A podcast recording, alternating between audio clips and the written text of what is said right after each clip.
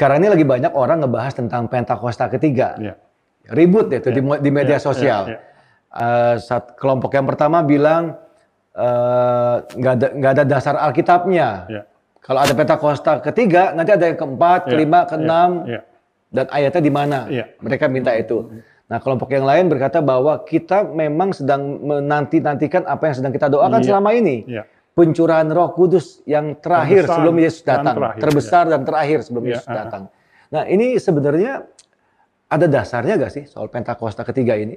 Oke, eh, kita lihat dari sosiologis dulu, baru nanti kita lihat ke Alkitabnya ya. Iya.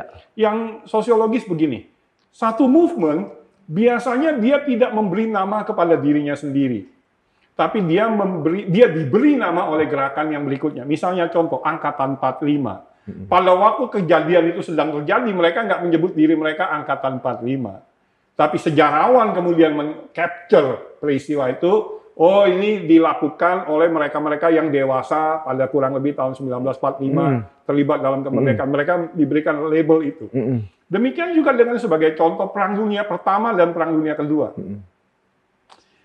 Ini begini, Perang Dunia Pertama kan 1914 sampai 1918 kan kurang lebih ya di situ ya. Di situ masih ada perang-perang kecil, revolusi Rusia, perang kemerdekaan Turki, perang eh, macam-macam. So jadi em, Perang Dunia Pertama tidak disebut Perang Dunia Pertama pada waktu itu. It's- It's called the Great War Iya. ketika tahun 1939 waktu Hitler menyerang Poland dan kemudian Inggris dan Prancis mendeklarasikan perang kepada Jerman dan kemudian terjadi perang lagi terus kemudian Amerika ngikut Iya. kemudian Italia ngikut nah itu baru Perang setelah Kedua. itu orang bilang Second World War Iya. kenapa ini disebut Second World War because there is a First World War yang jadi presiden Oke, so demikian juga dengan gerakan Pentakosta, gitu. Kita tahu Alkitab mencatat terjadi gerakan Pentakosta di bukan gerakan peristiwa Pentakosta di loteng atas, Iya. Upper room. upper room, dan itulah yang memberdayakan gereja. Gitu, itu yang memberdayakan gereja. Hasil dari peristiwa. Hasil dari peristiwa room. itu apa? Di dalam, ya hitung hitung sampai pertobatan tanda kutip pertobatan Kaisar Konstantin lah ya Iya, kira-kira iya. ya 313 dan sampai dia mengeluarkan eh, edik toleransi dulu kemudian edik Milan, edik Milan belakangan edik sampai ketika dia menyetop persecution terhadap gereja Tuhan oke itu 300 tahun dan dia ngelihat dalam waktu 300 tahun kekristenan itu udah menjadi majority Mm-mm. di dalam Roman Empire yang merupakan gabungan dari seluruh Western world lah. Iya. Jadi Roman Empire tahu dong ya, mulai dari Afrika Utara sini sampai ke perbatasan Iran, sampai ke Denmark di utara gitu, itu the whole Western world. Mereka lihat dari selesai abad pertama itu 70% dari pusat-pusat perkotaan. Itu jadi, Kristen. kota-kota gede itu ya dibilang jadi Kristen 100% juga enggak ya, tapi pengaruh kekristenan itu Besar. udah, udah gede sekali gitu. Sehingga mereka merasa, waduh kita lah malah, lama-lama yang jadi minoritas nih, yang pagan, yang masih nyembah berhala nih.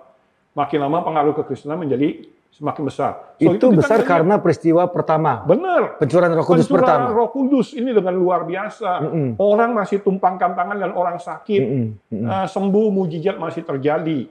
Saya ambil contoh ya. Ketika Santo Agustinus menulis Cita Dei, The City of God, itu abad keempat a- awal. Dia sudah nulis begini. Kok kayaknya mujizat di zaman kita agak jarang ya. Itu abad keempat. Eh, ag- agak jarang ya dibandingkan dengan zaman Rasul. rasul-rasul. Mungkin gara-gara tingkat penganiayaannya agak sedikit berkurang dibanding dengan waktu itu ketika gereja mulai nyaman. Mulai nyaman. Nah, ya kita waktu nggak banyak ya, tapi kita skip forward eh, selama mulai dari abad ketiga tadi abad keempat lah itu sampai ke akhir abad ke-19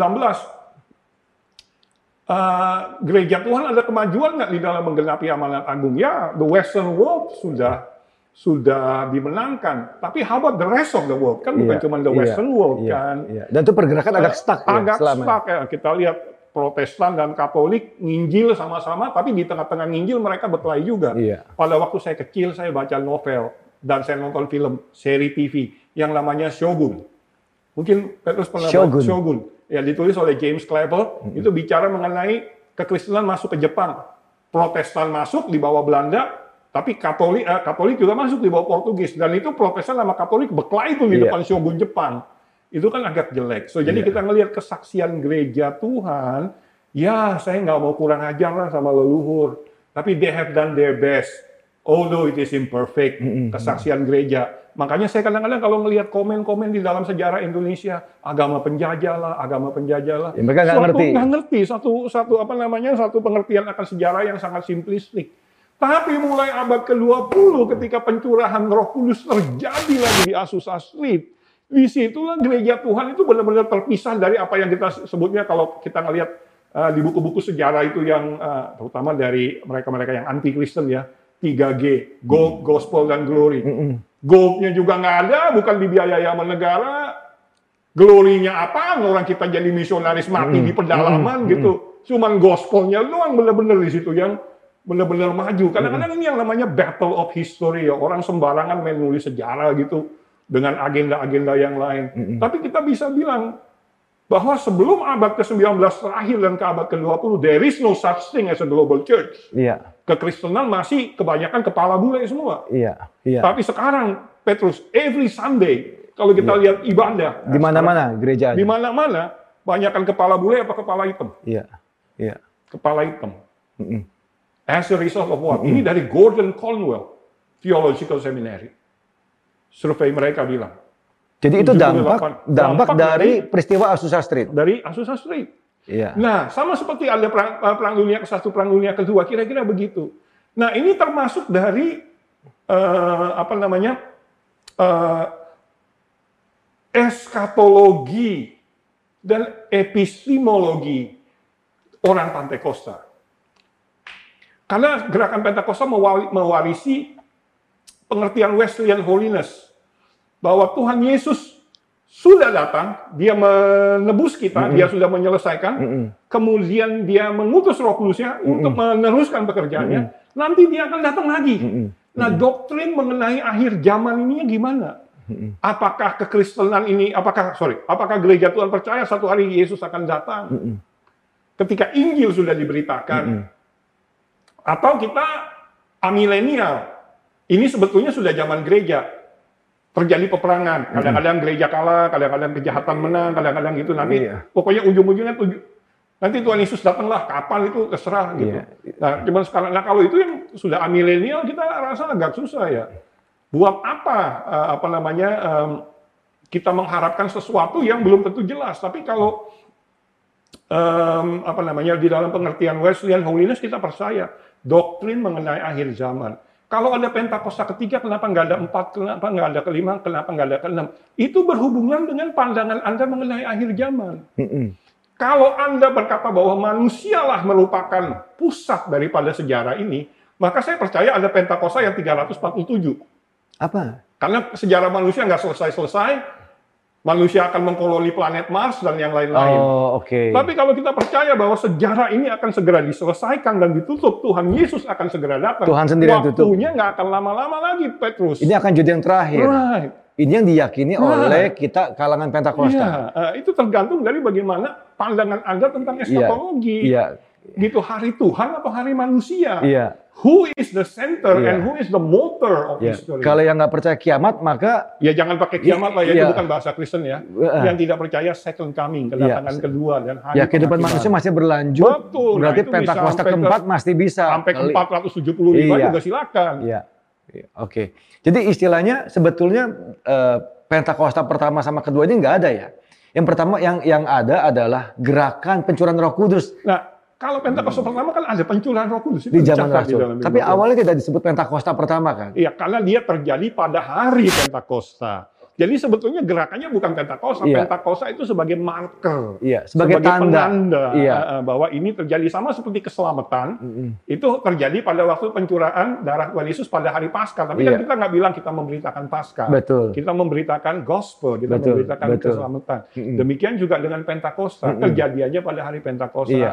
Pencurahan Roh. Kudus. Nah, waktu ada peristiwa di Azusa Street, ini yang dianggap memiliki kemiripan Yes, terjadinya, yes, dampaknya dan yes, lain-lain, yes. sehingga ini disebut oleh orang-orang Yes. sebagai Pentakosta kedua. Yes. Itu dasarnya. Iya, iya. Nah, Pentakosta ketiga yang sedang dibicarakan oleh banyak orang ini diyakini akan mempunyai kemiripan juga dengan peristiwa Iya. pertama dan kedua. Iya. Kalau gitu ada dong syaratnya. Kenapa Iya. bisa disebut sebagai Pentakosta? Iya, iya. Nah, sebagai sejarawan Kristen ya saya mengambil satu pandangan yang luar biasa. Gitu. Saya eh, harus sadar mengenai eh, keunikan identitas kita. Mm-mm. Tapi saya juga nggak mau main politik identitas. Itu kalau politikus main politik identitas Bahaya. itu bahaya. Oke, jadi kita bisa jadi ada semacam ini nih. Itu juga gara-gara perjuangan nenek moyang kita di gerakan-gerakan lalu. Betul. However, ada beberapa keunikan yang kita bisa melihat yang terjadi di dalam gerakan kita ini. Ya, yang merupakan Ini keunikan kita bicara gerakan Pentakosta. ya. Iya. Yang pertama, ialah gerakan Pentakosta itu harus merupakan sesuatu yang sifatnya masif dan multi etnis. Seperti yang kita lihat terjadi di eh, Upper Room di Yerusalem. Iya. Yerusalem itu salah satu dari kota internasional yang ada di dalam Kekaisaran Romawi. Mm-mm. Ya tentu Roma nomor satu, tapi Alexandria, Mm-mm. kemudian Athena sendiri, kemudian kalau kita baca peta Kekaisaran Romawi ada beberapa yang kita sebut kota-kota apa namanya kota-kota kelas dunia gitu. Yang zaman sekarang kita sebut world class cities lah. Singapura, Hong Kong, Tokyo, New York gitu. So Jerusalem is one of them. One of kota-kota itu. Itu sebabnya kita lihat di situ ada banyak beberapa orang dari berbagai bangsa. Jews, orang Yahudi, tapi orang Yahudi yang dari tersebar di mana-mana, bukan cuma orang Yahudi Iya. yang di Israel doang. Iya. Jadi orang Yahudi sama seperti kalau kita pergi ke Israel sekarang. Kita ngelihat Yahudi sih sama-sama Yahudi, cuma ada yang Yahudi hitam, Iya. ada yang Yahudi betul, bule. Betul, betul. Yang kayak Amerika, New York Jew. Karena mereka New York sebelumnya Jew, udah iya, udah lama tersebar. tersebar gitu ya. Sama kayak kita orang Cina, Iya, Indonesia, iya, Cina, Thailand, Cina, iya. eh, segala macam. So they come together. Dan juga ada orang dari bangsa lain yang non-Jews. Simon dari Kirene sebagai contoh. Simon dari Kirene most probably, saya boleh yakin 99,99% is black Oh gitu dari ya. Kirenaika. Dia orang hitam pertama kali yang jadi murid Tuhan Yesus. So, multi etnis sehingga apa? Waktu mereka menyembah Tuhan, tidak ada satu tata cara yang memimpin karena orang Yahudi yang di Palestina punya tata cara sendiri, orang Yahudi yang di perantauan bahasanya juga udah beda. Iya. Some are Greek speaking Jew, orang Yahudi yang berbahasa Yunani. Sedangkan mereka sini bahasa Arab dan ibadah bahasa Ibrani. Mereka multi etnis. Gitu ya, masif dan multi etnis. Kita lihat tadi kita sempat berbicara mengenai sejarah gereja. Kita nggak bisa bicara mengenai global church sampai di akhir abad ke-19. Ketika dunia sudah mulai jadi satu akibat penjelajahan lah kita sebut Christopher Columbus lah apalah menemukan dunia ini jadi satu. Dan pemilihan kotanya Los Angeles ya di West Coast of United States.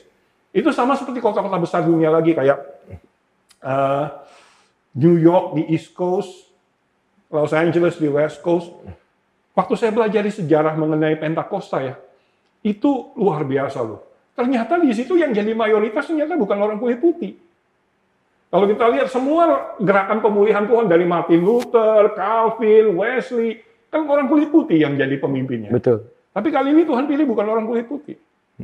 Dan saya ngelihat ya, blacks itu eh, konstituensi terbesar, Hispanics dari zaman dulu tuh, udah dari dari Latin. 150 tahun lalu kalau kita pergi ke Orang-orang California Latin, ya. Selatan ya, gitu ya banyak Hispanics lah gitu, bukan cuma Meksiko lah, tapi dari seluruh benua Amerika Latin, Cubans, Mexicans. Em, yang ketiga yang membuat saya sedikit terharu is Chinese actually. Chinese.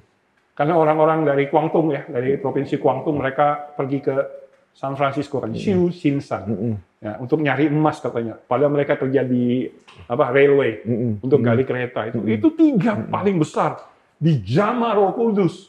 Nggak semuanya mungkin bisa bahasa Inggris dengan bagus, tapi mereka berbahasa roh dan mereka menyembah Tuhan. Ini yang yang peristiwa di Upper Room. Ah, Bukan, itu yang di Apelum juga boleh kita lihat orang Yahudi dari ber- berbagai macam bangsa dan ada beberapa Iya. bangsa lain. Tadi kan sifatnya eh, Masif secara dan disebut multi- sebagai Pentakosta, sifatnya masif dan multi etnis. Itu yang pertama. Di ya. zaman eh, Room itu itu terjadi memenuhi di As- Pentas Street juga memenuhi. Heeh. itu syarat pertama Heeh. kan. Nah, yang kedua harus berkontribusi langsung kepada penggenapan amanat agung.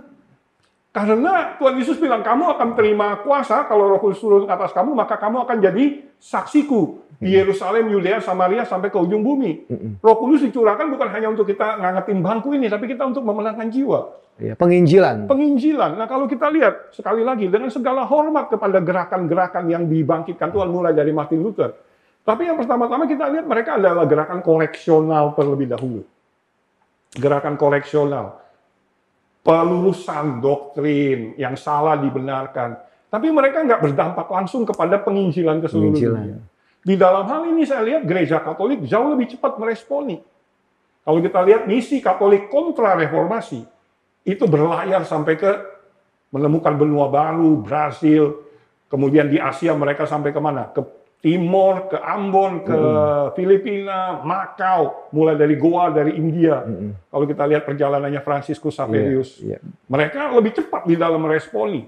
Tapi gereja Protestan kita telat karena misi Protestan modern kan dimulai dari perjalannya William Carey ke India 1799. So jadi dengan segala hormat kita melihat bahwa mereka agak kalau ngegas itu kurang Kurang kencang. kurang kenceng gitu responnya. Gitu. Tapi itu harus jadi syarat kedua Ya. bahwa penginjilan tentang Yesus Ya. harus tersebar ya. ya. Nah, yang ketiga penekanan terhadap glossolalia. Berbahasa roh. berbahasa roh. Karena inilah yang menyatukan fokus penyembahan itu. Mm-mm. Di mana orang dari segala bangsa, bukankah tujuan penginjilan kan segala bangsa? Mm-mm. Betul. Uh, Dan kalau kita nggak hati-hati, maka kita akan sometimes we are not sure. Either we are preaching the gospel or we are preaching our culture. Kita ini lagi memberitakan budaya atau lagi memberitakan Injil. Iya. Nah itu kan kadang-kadang kesalahan misionaris zaman dulu juga begitu. Karena mereka suka lupa bahwa yang dicari orang bukan agama Kristen nomor satu, tapi pengalaman pribadi dengan Tuhan. Dan penyembahan itu merupakan pintu gerbang ke arah. Nah, ya agama Kristen nomor dua lah. Ajaran, agama, didikan itu nomor dua. Pengalaman ini yang pertama kali. So jadi ketika kami eh, beberapa teman-teman yang ditugaskan untuk melihat hal ini, kami melihat bahwa tiga hal ini yang membedakan. Gitu. Nah, sebentar. Jadi kalau bicara terjadi masif, multi etnis, lalu juga Berat dampak langsung penginjilan eh, dengan am- eh, eh, amanat agung Iya. dan yang ke- yang ketiga tadi syaratnya tekanan kepada glossolalia. tekanan kepada karena berbahasa. Iya. Di upper room itu terjadi ya. Iya. Dampaknya seberapa besar? Ya, itu tadi dari peristiwa cerita. Pentakosta. Yang itu tadi Menyebar ke dalam bangsa-bangsa waktu lain. 100 tahun, dalam waktu 100 tahun, seluruh pusat-pusat Kota-kota besar. kekaisaran Romawi terpengaruh oleh Injil. Nggak sampai 200 tahun kemudian, kekaisaran Romawi menerima Injil. Jadi dampaknya, Dampaknya kelihatan luar bi- biasa. bisa dihitung. Ah, ah. Nah, lalu eh, yang kedua Pe- Pentakosta kedua, Azusa Street. Itu juga lebih besar lagi Ya, dampaknya. sekarang kekristenan kurang lebih sepertiga dari penduduk dunia. Sepertiga Ah, penduduk dunia Kristen. 31 persen. Ya, Dan Gordon Conwell, Theological Seminary, men, men- tracing mereka mencari jejak bahwa yang 31 persen itu 70 persen merupakan hasil dimenangkan abad ke-20. Saya mau tanya deh, misalnya sebagai contoh ya. Tuh, sebentar. Jadi sepertiga penduduk dunia itu Kristen. Dari sepertiga itu 70 persennya dampak dari abad- Azusa Street. Iya, abad ke-20. Bukan hanya Azusa Street, gerakan Wales juga sebelumnya. Masuk semua di 1904, situ. Ya. Dan sebagai contoh saya tanya ya, Ah, Petrus orang Kristen kan ya? Iya. Papa orang Kristen kan ya? Betul. Engkau orang Kristen bukan? Bukan. Oke, berarti Petrus adalah orang Kristen generasi keberapa? Generasi kedua. Kedua, oke. Kalau saya boleh tanya di muka ini, kecuali mungkin orang Ambon, orang Batak yang orang itu Ambon dan turun orang Batak turun itu temurun ya. turun temurun pun hanya paling bisa empat atau lima keturunan. Jadi dianya Kristen, papanya Kristen, engkongnya Kristen. Ngapa orang Batak bilangnya apa? Engkong punya bapak itu apa? Engkau punya bapak. Nah ya bahasa Bataknya saya nggak tahu lah ya kira-kira. Tapi orang Batak pun tidak bisa bilang bahwa mereka 200 tahun jadi Kristen nggak bisa. Iya. Mereka HKBP merayakan baru saja ulang tahun ke 150. So jadi kita lihat bahwa kekristenan global is a very recent phenomenon. Kekristenan Iya. global itu Dan Pentakosta ketiga ini yang diyakini juga punya sifat yang sama. Ya. Terjadi yang masif, ya dampaknya besar, Iya. Ada penginjilan, amanat agung menyelesaikan amanat Iya. agung, dan yang ketiga glosolalia yang merupakan- karena berbahasa roh. iya. Di luar ini kita dari kalangan gereja Pentakosta tidak akan menyebut ini sebagai Pentakosta, peristiwa Pentakosta ya. Ya, seperti saya bilang tadi ini soal penamaan ya. Iya. Eh, gerakan 45 tidak sebut diri mereka gerakan 45, gerakan berikutnya yang Iya. me- menye- me- menyebutnya mereka begitu. Mm-mm. Soal penamaan, saya cuma ngasih dasar itu. Sama seperti Anda bisa sebut Perang Dunia Pertama karena ada Perang Dunia Kedua. Iya. Demikian juga kita bisa nyebut gerakan ini Pentakosta pertama, kedua, ketiga ketika framework sejarahnya sudah selesai. Iya. Iya. Kita secaranya begini. Waktu zaman John Wesley bisa nggak orang me- menyelesaikan amanat agung? Waktu zaman Martin Luther bisa nggak orang menyelesaikan amanat agung? Saya rasa belum. Iya, karena Injil belum- iya, Injil belum tersebar belum banyak, iya. tersebar seperti itu. Iya. Iya. Nah, berarti untuk gereja-gereja di luar gereja-gereja karismatik, mereka itu yang menjadi alasan kenapa mereka tidak setuju dengan Pentakosta ketiga ini ya. Eh, Benar gak sih begitu? Saya bilang begini, masalah penamaan ketiga, keempat itu segala macam itu second. Tapi Anda percaya nggak dengan konsep ini? Mm-mm. Bahwa amanat agung harus diselesaikan. Iya, amin. Uh, Dan Tuhan memberikan kepada kita bukan hanya message-nya yaitu Injil, tapi Tuhan memberikan kepada kita power Mm-mm. untuk preach the gospel untuk Iya. memberitakan Injil ini. Mm-mm. Kalau mau ambil satu ya analogi lah ya kira-kira ya di dalam Alkitab ialah di dalam Matius 25. Mm-mm. Di dalam perumpamaan Tuhan Yesus mengenai 10 anak darah Mm-mm. yang menantikan mempelai. Saya selalu percaya bahwa di dalam gambaran-gambaran ini ada arti-arti. Kenapa Tuhan Yesus bilang kata 10? Kenapa dia nggak pakai 7 Mm-mm. mempelai? Kenapa nggak 12 mempelai? Karena saya percaya kalau kita lihat ya satu studi ya di dalam ilmu teologi namanya numerologi. Tiap angka itu mewakili. 10 itu berbicara mengenai kesempurnaan aturan manusia. Ya kan kalau kita ulangan bagus dapat berapa? Iya, nilai 10 10. apa 100 gitu ya kan. Jadi kelipatan 10 itu kesempurnaan manusia. So, anak darah berbicara mengenai apa? Kalau kita lihat mempelai, saya percaya ini berbicara mengenai gereja, tapi gereja-gereja menurut aturan manusia yang namanya denominasi. Mm-mm. Mm-mm. Jadi kenapa nggak 7? Kenapa nggak 12? Kalau 12 itu kesempurnaan secara aturan Tuhan, yaitu 12 rasul, Iya. 12 suku. Ini 10. Oke, Du- 10-10-nya sama-sama menunggu kedatangan mempelai. Saya mau tanya, yang tidur yang mana? Ada dua kelompok, lima yang bijak, Iya. lima yang bodoh. Yang tidur yang mana? Dua-duanya tidur. Yang bijak tidur, yang bego juga tidur. Iya. Sangkakala dibunyikan. Yang yang siapa? mana yang bangun? Dua-dua kelompok Betul. ini bangun. Mereka bersiap-siap. Tapi masalahnya di mana? Minyak. Kesiapan minyak mereka. Seberapa besar Anda menaruh eh, apa namanya tekanan kepada karya Roh Kudus? Lebih dari hanya sekedar percaya, aku percaya kepada Roh Kudus, tetapi memberikan dia ruangan untuk mel- melakukan pekerjaan yang seperti dilakukan di dalam kitab Iya. kisah para rasul. Iya. Nah, berarti eh, sejak peristiwa di Azusa Street atau antara peristiwa di Upper Room di loteng atas sampai ke Azusa Street itu kan banyak gerakan-gerakan-gerakan. Iya. Itu nggak bisa disebut Pentakosta Iya. selama tidak memenuhi unsur tiga unsur tadi ya. Iya. Masif, amanat agung, Iya. dan juga Iya. eh, berbahasa roh. Iya, kalau saya lihat begini, seperti kue lapis. Kenapa kue lapis mahal? Saya tahu lapis Surabaya ya yang satu ini berapa mungkin 350 ada yang bisa 500 ribu. Iya. Yang telurnya 200 katanya, ada yang 150 telur, ada yang 200 telur. Sat- ada- satu kue, Satu kue, yang paling dikit 80 telur. Sehat makan itu. Ya sehat. Sering makan itu cepat ketemu Tuhan Sehat, saya yakin iya. ya. Oke. Kenapa dia mahal? Karena dia bukan sekali dibikin, dia layer demi layer. Layer demi layer. Nah, saya melihat Tuhan bekerja selama 2000 tahun sejarah gereja itu seperti kayak kue lapis. Jadi ketika gereja itu terpuruk di dalam titik paling jelek gitu, gitu ya. Mm-mm. Seperti kayak penjualan indulgensi, Mm-mm, mm-mm. eh, yang menye- menyebabkan Martin Luther. Akhirnya setelah Tuhan bangkitkan gereja itu ya untuk layer demi layer. Pertama yang diletakkan keselamatan dengan iman dulu. What does it mean to be saved? Orang mengalami. Kemudian ditambah lagi assurance, jaminan keselamatan. Kemudian habis itu bukan cuma apa tenang-tenang aja di dalam jaminan, you harus mulai mengerjakan keselamatan. Kemudian bicara mengenai pemerintahan gereja, di lapisan demi lapisan. Satu gitu. demi satu. Sa- Jadi saya sebagai orang Pentakosta, saya melihat kepada saudara-saudara yang non Pentakosta, saya akan hormat dan berkata, bapak-bapak jasa di Iya. dalam mendirikan sebab kami nggak bisa ada kalau nggak ada dasar yang Iya. bapak-bapak ini Anda telah berperan di Anda masa telah sebelumnya. berperan tapi begitu udah sampai di atas nah di sinilah toppingnya diberikan dikasih Iya. dikasih cherry-nya Iya, dikasih apa iya, seperti iya, itu iya, iya. so jadi sebetulnya ini bukan untuk pit one against the other kita bilang come on mari kita kerjakan sama-sama bukankah amanat agung adalah bagian kita sama-sama bukan Be- cuma betul. orang Pentakosta Iya. anda orang Baptis, Anda orang Wesleyan, Anda orang Metodis, Anda orang Presbyterian, kita harus menyelesaikan amanat agung. Harusnya Dan- sama-sama, bukannya saling sama-sama. ribut satu sama Dan lain. Tuhan sudah menyediakan kekuatannya, Iya.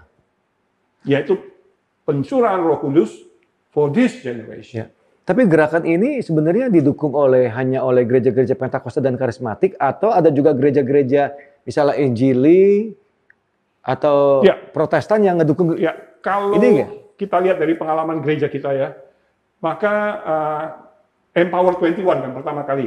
gerakan Uh, Empower ini, 21. ya. Kalau kita lihat di dalam gereja, uh, di dalam gerakan Empower 21 itu boleh dibilang 99% adalah gereja Pentakosta dan karismatik. Iya. Tapi tahun lalu kita diberikan kesempatan untuk host di SICC, Mm-mm. WEA, Oh, World iya. Evangelical Alliance. Alliance. Di sini Itu yang mewadai mewadai denominasi Injili. iya, kalangan Protestan ya. Kalangan Injili, Injili, Injili. Injili, ah, Injili.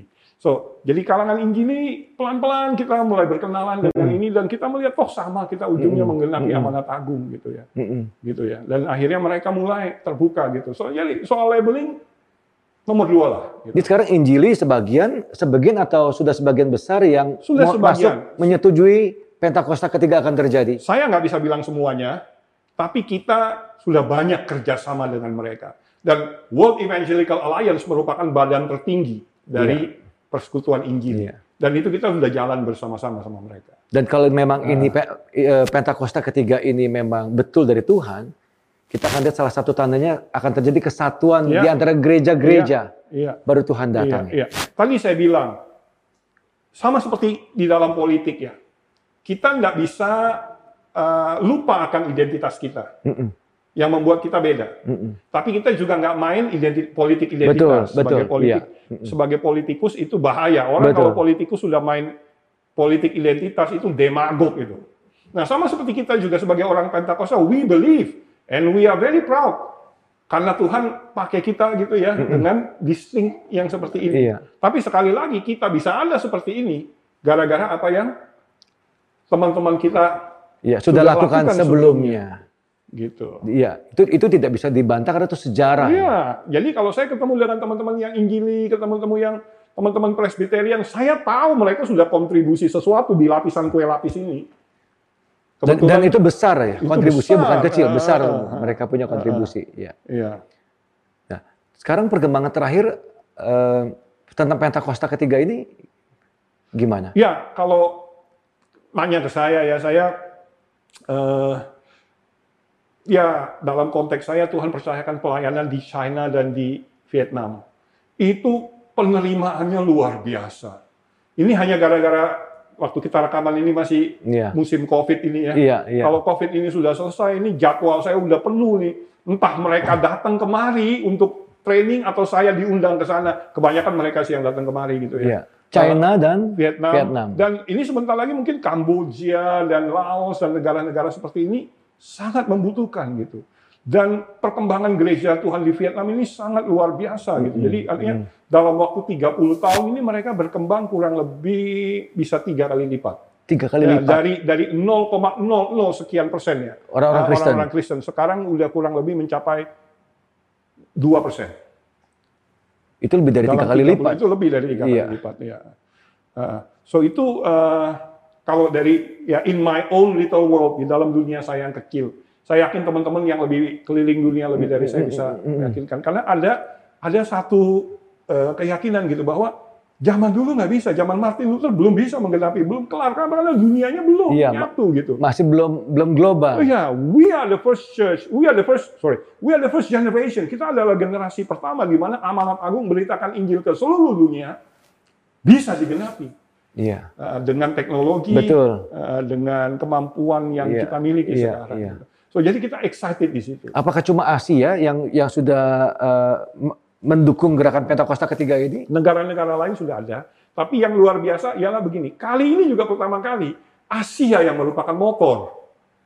Asia menjadi motor. Betul. Kalau dulu yang dari barat yang datang yang memberitakan Injil. Oh, Eh, itu yang dari Paniko barat maksud sekarang timur, dari timur iya, yang akan ah, pergi ke ah, barat iya. memberitakan Ah, ah. Injil ini ya. Dan ada ada gini, ada yang- satu ayat di Alkitab bilang begini, bahwa apa yang terjadi secara jasmani itu merupakan indikator dari apa yang terjadi di secara uh, rohani. Jadi kalau kita lihat kemajuan Asia ini di dalam bidang ekonomi, di dalam Iya. bidang teknologi, Kelihatan sekali. ya. kelihatan sekali. Itu bukan hanya secara di bidang itu, secara rohani juga bobot kekristenan sudah pindah ke negara-negara seperti China, Korea Selatan, Iya, dan Indonesia. iya. Iya, iya. Itu yang yang orang-orang dulu bilang kaki Dian itu pindah dari barat sekarang ada di Iya, Asia. Iya, Iya. iya. Oke, kita tunggu nanti perkembangan selanjutnya. Amin. Iya. Terima kasih. Nah, Pak Niko me- eh, merespon soal Pentakosta ketiga ini kan selain menghimbau kita banyak doa, banyak pujian penyembahan, kan dibangun menara-menara doa. iya. Dan sampai hari ini masih ada ya Iya. di Sentul Masih SICC berjalan, iya. 24 jam. Iya, iya, iya. Nah, itu apa dampaknya waktu itu? Eh, seperti begini, kalau kita lihat apa yang terjadi dari eh, Pentakosta pertama, murid-murid memberitakan Injil di garis depan, tapi ada beberapa orang yang berdoa di eh, rumah, seperti yang kita lihat eh, di kitab Kisah Para Rasul 5. Gitu. Jadi waktu Petrus bertobat kemudian di penjara, orang-orang ini mendoakan dia. So jadi doa merupakan kekuatan. Kenapa? Karena doa dan keintiman dengan Tuhan juga toh adalah goal. Dia adalah titik awal dan titik akhir juga. Iya. Anda menginjil orang diselamatkan. Diselamatkan kan tujuannya apa? Supaya beroleh persekutuan dengan Tuhan lagi kan. So jadi doa doa dan penginjilan adalah seperti angkatan darat dan angkatan udaranya yang ada di situ. Tapi doa ini merupakan sesuatu yang eh, esensial. Dia juga adalah tujuan gitu. Bahkan John Piper pun bilang begitu. John Piper bilang bukan eh, apa namanya worship itu ada gara apa worship itu lebih tinggi daripada evangelism dia bilang. Evangelism ada karena ada beberapa tempat yang belum ngerti worship, belum menyembah Tuhan, makanya dia menginjil. Sehingga di sini kita lihat bahwa doa harus merupakan bagian yang tidak terlepaskan juga dari daripada penginjilan. Dia merupakan sumber kekuatan dari penginjilan. Dia merupakan juga tujuan daripada kenapa orang diselamatkan supaya dia berhubungan dengan Tuhan. So jadi kata doa ini digabungkan dengan kata doa pujian penyembahan ini merupakan sesuatu yang bagus ya. Kenapa? Sebab kalau kata doa saja di di at least at least ya di dalam pengertian umum orang Indonesia, bahasa Indonesia. Maka doa itu kayak permohonan dan permintaan. Betul. Padahal kita tahu yang hubungan kita dengan Tuhan bukan cuma minta doang tiap hari. Iya. So, kita menikmati dia, kadang-kadang kita cuma duduk, dengar musik, sambil dalam hati kita nyanyi, atau dengan suara kita juga kita nyanyi. Ini semua merupakan bagian daripada persekutuan dengan Tuhan. Doa, pujian, penyembahan. Itu yang menjadi inti dari menara doa. Ya, itulah inti dari menara doa. Hasilnya apa sih? Hasilnya secara pribadi orang yang eh, menghabiskan waktu di menara doa Iya. akan jadi semakin intim dan pekan Otom- otomatis ya. Eh, menikmati gitu ya eh, hadirat Tuhan. Kadang-kadang di dalam doa menara doa kita berdoa ada beberapa beban doa yang kita bawa, tapi ada juga kadang-kadang kita cuma duduk dan seperti merasa di Iya. Oke itu hasil subjektifnya. Hasil objektifnya apa? Banyak terobosan-terobosan yang terjadi di perjanjian lama ada gambaran yang indah ketika bangsa Israel berperang. Yaitu apa? Yosua maju di eh, medan perang, tapi Musa naik ke atas bukit dan berdoa di atas gunung. Tapi kemudian tangan eh, Harun, eh, tangan Musa capek karena Iya, dia dari dia turun. pagi sampai siang tangannya turun. Begitu tangannya turun, Yosua kalah. Betul. Sehingga naiklah Harun dan Hur untuk menopang tangan Tangannya. Musa. Nah ini adalah gambaran yang baik tentang apa yang terjadi di dalam pemberitaan Injil dan kekuatan yang ada di dalam menara doa. Iya, jadi selama doa ini terus terbakar, terus dilakukan, Iya. maka Tuhan juga sedang mengerjakan hal yang Iya, lain iya, yang bisa iya, kita lihat secara iya, kasat mata iya, begitu ya. iya. Apa-apa yang nggak bisa dilakukan hanya dengan kekuatan manusia, terobosan Iya. tiba-tiba terjadi. Iya. Dan dengar-dengar sekarang bukan cuma Indonesia yang punya, bukan cuma Jakarta yang bangun menara ya. Iya. Sudah sampai ke bangsa-bangsa juga Iya, iya. Seluruh Indonesia punya menara doa. punya menara doa. Uh, termasuk dan juga bangsa-bangsa. Ya, Jepang eh, Jepang ada bagus. beberapa menara doa. Iya. Eh, apakah mereka 24 jam? Kita belum bisa Iya. memastikan semuanya. Tapi paling tidak ada beberapa tempat yang secara reguler eh, yang ditentukan untuk doa. Saya boleh kasih contoh seperti ini ya. Kira-kira begini. Eh, banyak ayam goreng di Indonesia jauh lebih enak dari Kentucky Fried Chicken. betul. Indonesia ini negeri ayam goreng. Iya. Begitu ya. Tapi kenapa? Ya mungkin anak-anak Petrus sudah besar ya. Tapi waktu anak Petrus masih kecil lah kira-kira. Tiga tahun, empat tahun, lima tahun. Pernah nggak dengar anak kecil ngerengek kepada ma- mamanya, bapaknya? Pak, ayam goreng bok berek, ayam goreng Iya. bok berek. Anda nggak pernah yang ngomong gitu? Iya. Enggak. Ya mereka nggak tahu. Mereka akan ngomong apa? Pak, KFC Pak, mau. KFC. Kenapa? Karena KFC bukan cuma sekedar ayam goreng. KFC adalah sebuah sistem. Saya sering ke Vietnam. Dan beberapa tahun ini saya kaget. Karena Starbucks masuk ke Vietnam. Starbucks, kalau saya bilang sih di dalam tingkat orang yang jago kopi itu bukan kopi lah ya. Betul. Itu mainan lah ya. Betul, betul. Kopi Vietnam jauh lebih enak. Tapi kenapa mereka berani masuk dan berhasil di, di- Hmm. di Vietnam? Kenapa? Karena Starbucks bukan cuma sekedar kopi. Starbucks itu adalah lifestyle. Orang datang, duduk, Ngobrol. dan menikmati suasana. Demikian juga dengan doa. Banyak gembala, banyak hamba Tuhan percaya, oh doa itu penting, doa itu penting. Sampai capek ngomong kepada jemaat. But you never provide the system di mana orang enjoy berdoa. Iya. Kalau cuma ngomongin kayak gitu doang, orang jadi capek. Tapi Hmm. begitu Anda disediakan satu tempat, satu konsep menara doa, di mana doa, pujian, penyembahan mengalir dengan eh, tanpa putus. ya, Orang bisa merasakan pengalaman sama- langsung waktu ada di Orang sana. itu jadi seneng gitu berdoa gitu. So jadi eh, saya rasa ini adalah salah satu terobosan gitu ya. Akan mentransformasi banyak orang dari dari cara mereka berpikir. Mulai dari individual sampai tadi ada hasil-hasil Iya. yang yang nyata di lapangan. Tapi Iya. kita mulai dari yang individu Iya. lah. Paling nggak untuk orang yang naik ke situ pasti ada Ya. dampaknya. Dan dengar-dengar nanti Pak Niko akan bangun menara doa di tempat di mana Asusa Street. Ya, Itu betul ya? Ya. Tempatnya sudah disewa ya? ini tempatnya sudah disewa.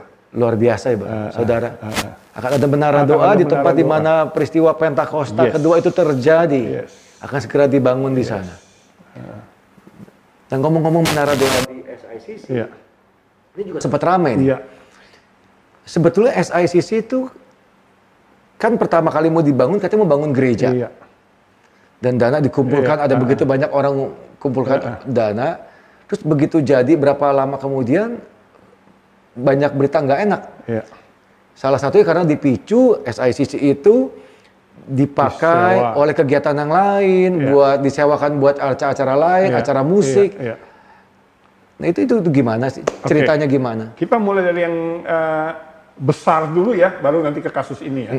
Kalau kita lihat di dalam sejarah, upper room, loteng atas yang eh, ingat loteng atas tuh bukan cuma peristiwa Pentakosta loh, perjamuan makan malam juga di situ. betul Nah, kemungkinan besar itu juga disewa. Yesus menyewa, itu bukan punya Tuhan Yesus. Yesus menyewa dari kelompok orang Eseni. Karena kalau kita lihat dari sebelum perjanjian eh, perjamuan makan malam di, di Injil Yohanes, ini cuma di Injil Yohanes dicatat. Eh, Tuhan Yesus mengutus muridnya, dia bilang, lu pergi nanti ke pojok sebelah sana, lu ketemu seorang laki Iya, yang iya. bawa eh, apa namanya itu eh, buyung air, laki yang bawa di Israel komunitas laki-laki yang bawa buyung air cuma orang Eseni. Karena orang Eseni kebagi, sebagian besar 99% kagak kawin. Jadi mereka mesti angkat sendiri eh, buyung air sendiri. Kebutuhannya. Jadi Tuhan Yesus sewa kan gitu. Habis itu mungkin murid-murid sewa juga, sewa jangka panjang sehingga itu dijadikan eh, apa namanya eh, kayak tanda kutip lah headquarters. jadi upper room itu sebenarnya ru- ruangan pertemuan Ruangan pertemuan yang mungkin punya pihak mana gitu yang bisa, Bisa pakai. Kita lihat juga di dalam kitab Kisah Para Rasul ruang kuliah Tiranus. Ruang kuliah Tiranus. Paulus sewa atau dia diundang sebagai guest speaker, guest lecturer untuk bicara di situ. Iya. Tiranus itu filosof apa kita juga nggak tahu. Tapi sekarang banyak sekolah Alkitab yang eh, pakai seperti itu. Kita lihat juga semua banyak gerakan-gerakan di eh, dalam sejarah kekristenan mereka terjadi nggak selalu harus di gereja atau harus di mana. Kadang-kadang tadi saya sempat lihat tentang Cambridge Seven, bagaimana Tuhan pakai tujuh mahasiswa Cambridge University untuk jadi misionaris ke China di bawah Hudson Taylor, eh, pelayanan Hudson Taylor. Itu luar biasa. Nah SICC ber, ber, eh, bercita-cita untuk menjadi tempat seperti itu. Di mana satu tempat yang easy, accessible, semua bangsa bisa sampai. Saya kadang-kadang berpikir begini ya, kalau ke China sekarang kita perlu visa dan itu berat. Tapi negara ASEAN, 10 negara ASEAN bisa berkeliling tanpa, Tanpa visa. tanpa visa. Dan negara maju datang ke Indonesia tanpa visa. Australia, Amerika datang ke sini Gampang banget. gampang sekali. Terus kalau kita melihat cost of living di Indonesia cukup murah. Betul. Ya, saya tahu Vietnam lebih murah dan mungkin Malaysia bisa lebih murah, tapi cukup murah lah dibandingkan Singapura, kurang lebih gitu.